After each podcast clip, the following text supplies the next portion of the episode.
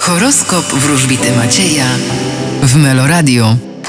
Baran, Możecie liczyć na nowe pieniądze. byk, Wy będziecie doszkalać się, zdobywać jakąś wiedzę, żeby stać się lepszymi. bliźnięta, Podobnie jak zodiakalne byki, będziecie zdobywać bardzo ważne i cenne informacje, które wykorzystacie w życiu codziennym. rak, Możecie z optymizmem spojrzeć na początek nowego roku. lew, Dokonacie bardzo ważnego i przełomowego wyboru. panna, Wy wyruszycie przed siebie, zapominając o tym, co było. waga, Naprawdę to jest wasz czas. skorpion, Ym, Będziecie podobnie jak zodiakalne byki lub zodiakalne bliźnięta zdobywać jakąś wiedzę inwestując w swój intelekt. strzelec, Wy postawicie na związki uczucia. koziorożec, Mm, Zejdźcie na ziemię, bo trochę inaczej postrzegacie otaczający świat. wodnik, Wy możecie myśleć o jakichś zmianach, które chcecie wdrożyć na polu zawodowym. ryby, A wy będziecie się nieźle bawić.